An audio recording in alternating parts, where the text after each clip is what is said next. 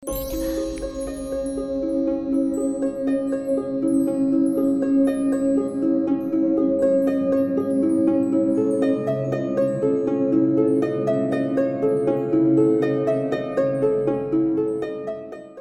semuanya, selamat malam. Ketemu lagi dengan Denny di Rumah Horor Indonesia. Seperti biasa, malam ini aku akan bacakan sebuah cerita mistis.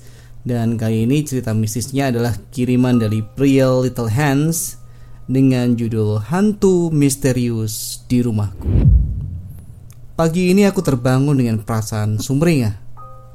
Bagaimana tidak, hari ini aku akan pergi ke pantai bersama keluargaku ya bersama ayah, ibu, dan juga adikku.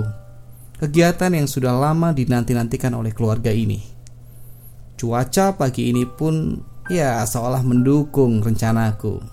Hingga semuanya berubah. Dengan semangat pagi dan sambil memikirkan rencana liburan kali ini, aku bergegas menuruni tangga untuk menuju ke ruang makan.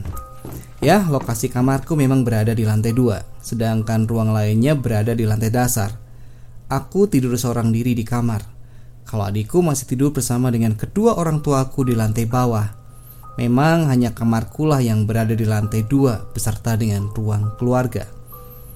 Namun tidak seperti biasa, rumahku terasa sepi. Sangat sepi untuk suasana yang biasa ramai dengan celoteh adikku atau kecerewetan ibuku. Belum lagi denting piring yang beradu dengan sendok, garpu, dan alat makan yang lain. Ada apa ini? pikirku sedikit was-was.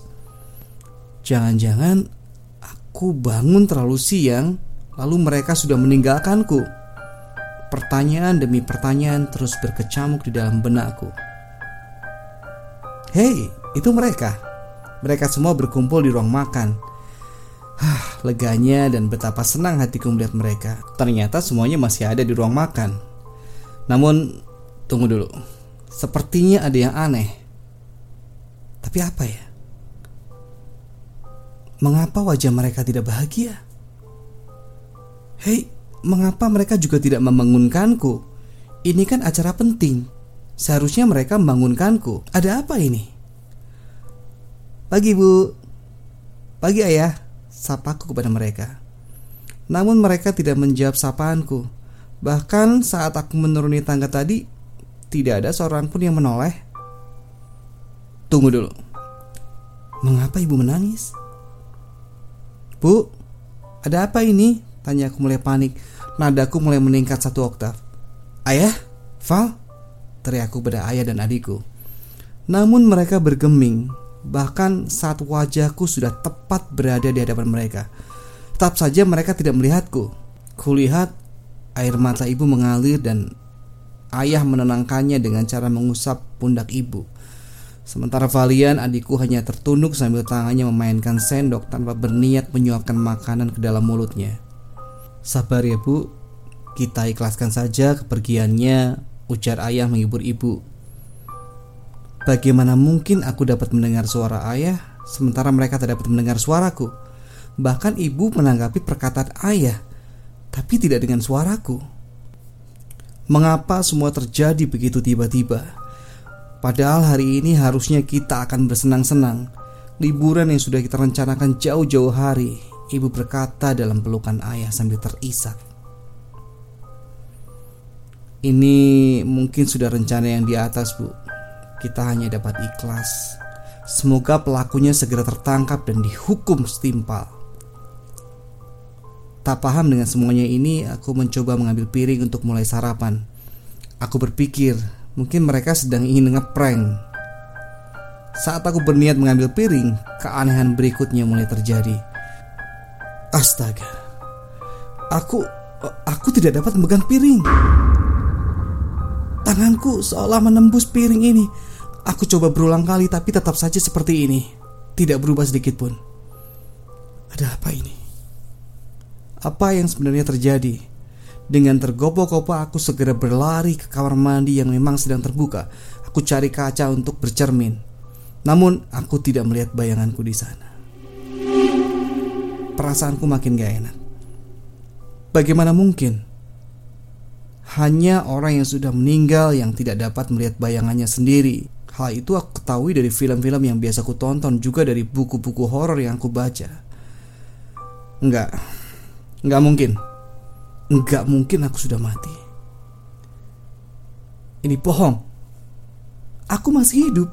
Bagaimana mungkin? Belum selesai aku kaget, mataku tertuju pada layar TV yang menyala.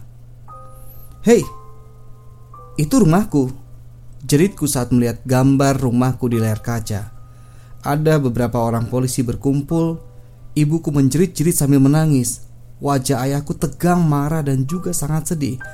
Sementara adikku menangis ketakutan.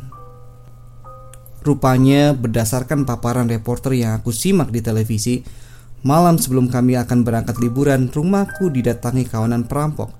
Mereka menduga rumahku sedang tak berpenghuni, makanya dijadikan sasaran. Biasanya memang ada mobil di situ, tapi kali ini mobil kami titipkan di bengkel untuk diperiksa dan ganti oli. Kami semua udah capek untuk berkemas sehingga tidak ada yang menyalakan lampu depan. Saat kawanan itu mulai menjara isi rumahku, tiba-tiba ibu terbangun karena mendengar suara-suara aneh di luar kamar. Mendengar ada yang membuka pintu, kawanan itu pun panik dan memilih untuk naik ke lantai dua. Ibu yang terkejut melihat ada tiga orang berpakaian hitam-hitam sontak menjerit hingga ayah terbangun. Mereka berusaha mengejar perampok tersebut. Karena merasa terdesak, mereka yang sudah merangsek masuk ke dalam kamar mengancam akan membunuhku jika ayah tidak membiarkan mereka pergi. Ayah berpikir itu hanya gertak sama saja. Ayah mengambil ponsel, kemudian mencoba untuk menelpon polisi. Karena marah dan gelap mata, salah seorang dari kawanan perampok itu menusukkan pisau tepat ke arah jantungku yang masih tertidur dan tak bergerak sedikit pun. Melihat semua itu, ibu pingsan dan ayah mendadak mematung. Kesempatan itu dipakai oleh para perampok untuk melarikan diri. Untungnya, Valian adikku tidak terbangun saat itu, sehingga ia selamat. Saat pihak berwajib datang membawa ambulans, nyawaku sayangnya sudah tak tertolong lagi.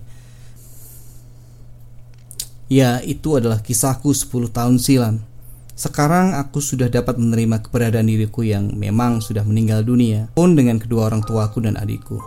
Meskipun mereka masih sering menangis jika teringat akan diriku, mereka paling enggak sudah bisa melakukan aktivitas seperti biasa. Mereka juga bisa sesekali bercanda dan tentu saja tetap mengenang keberadaan diriku yang dulu. Aku tidak dikubur tetapi dibakar. Abunya disimpan orang tuaku dalam sebuah kunci cantik di atas lemari kaca di ruang tamu. Mereka berharap aku akan selalu ada bersama mereka. Dan memang demikianlah adanya. Aku selalu ada di rumah ini. Tidak ke mana-mana. Sekalipun nanti kamu yang akan menempati rumahku. Oke teman-teman semuanya itu adalah cerita horor untuk malam ini. Semoga itu bisa menghibur kalian. Sampai ketemu di cerita berikutnya. Selamat malam, selamat beristirahat.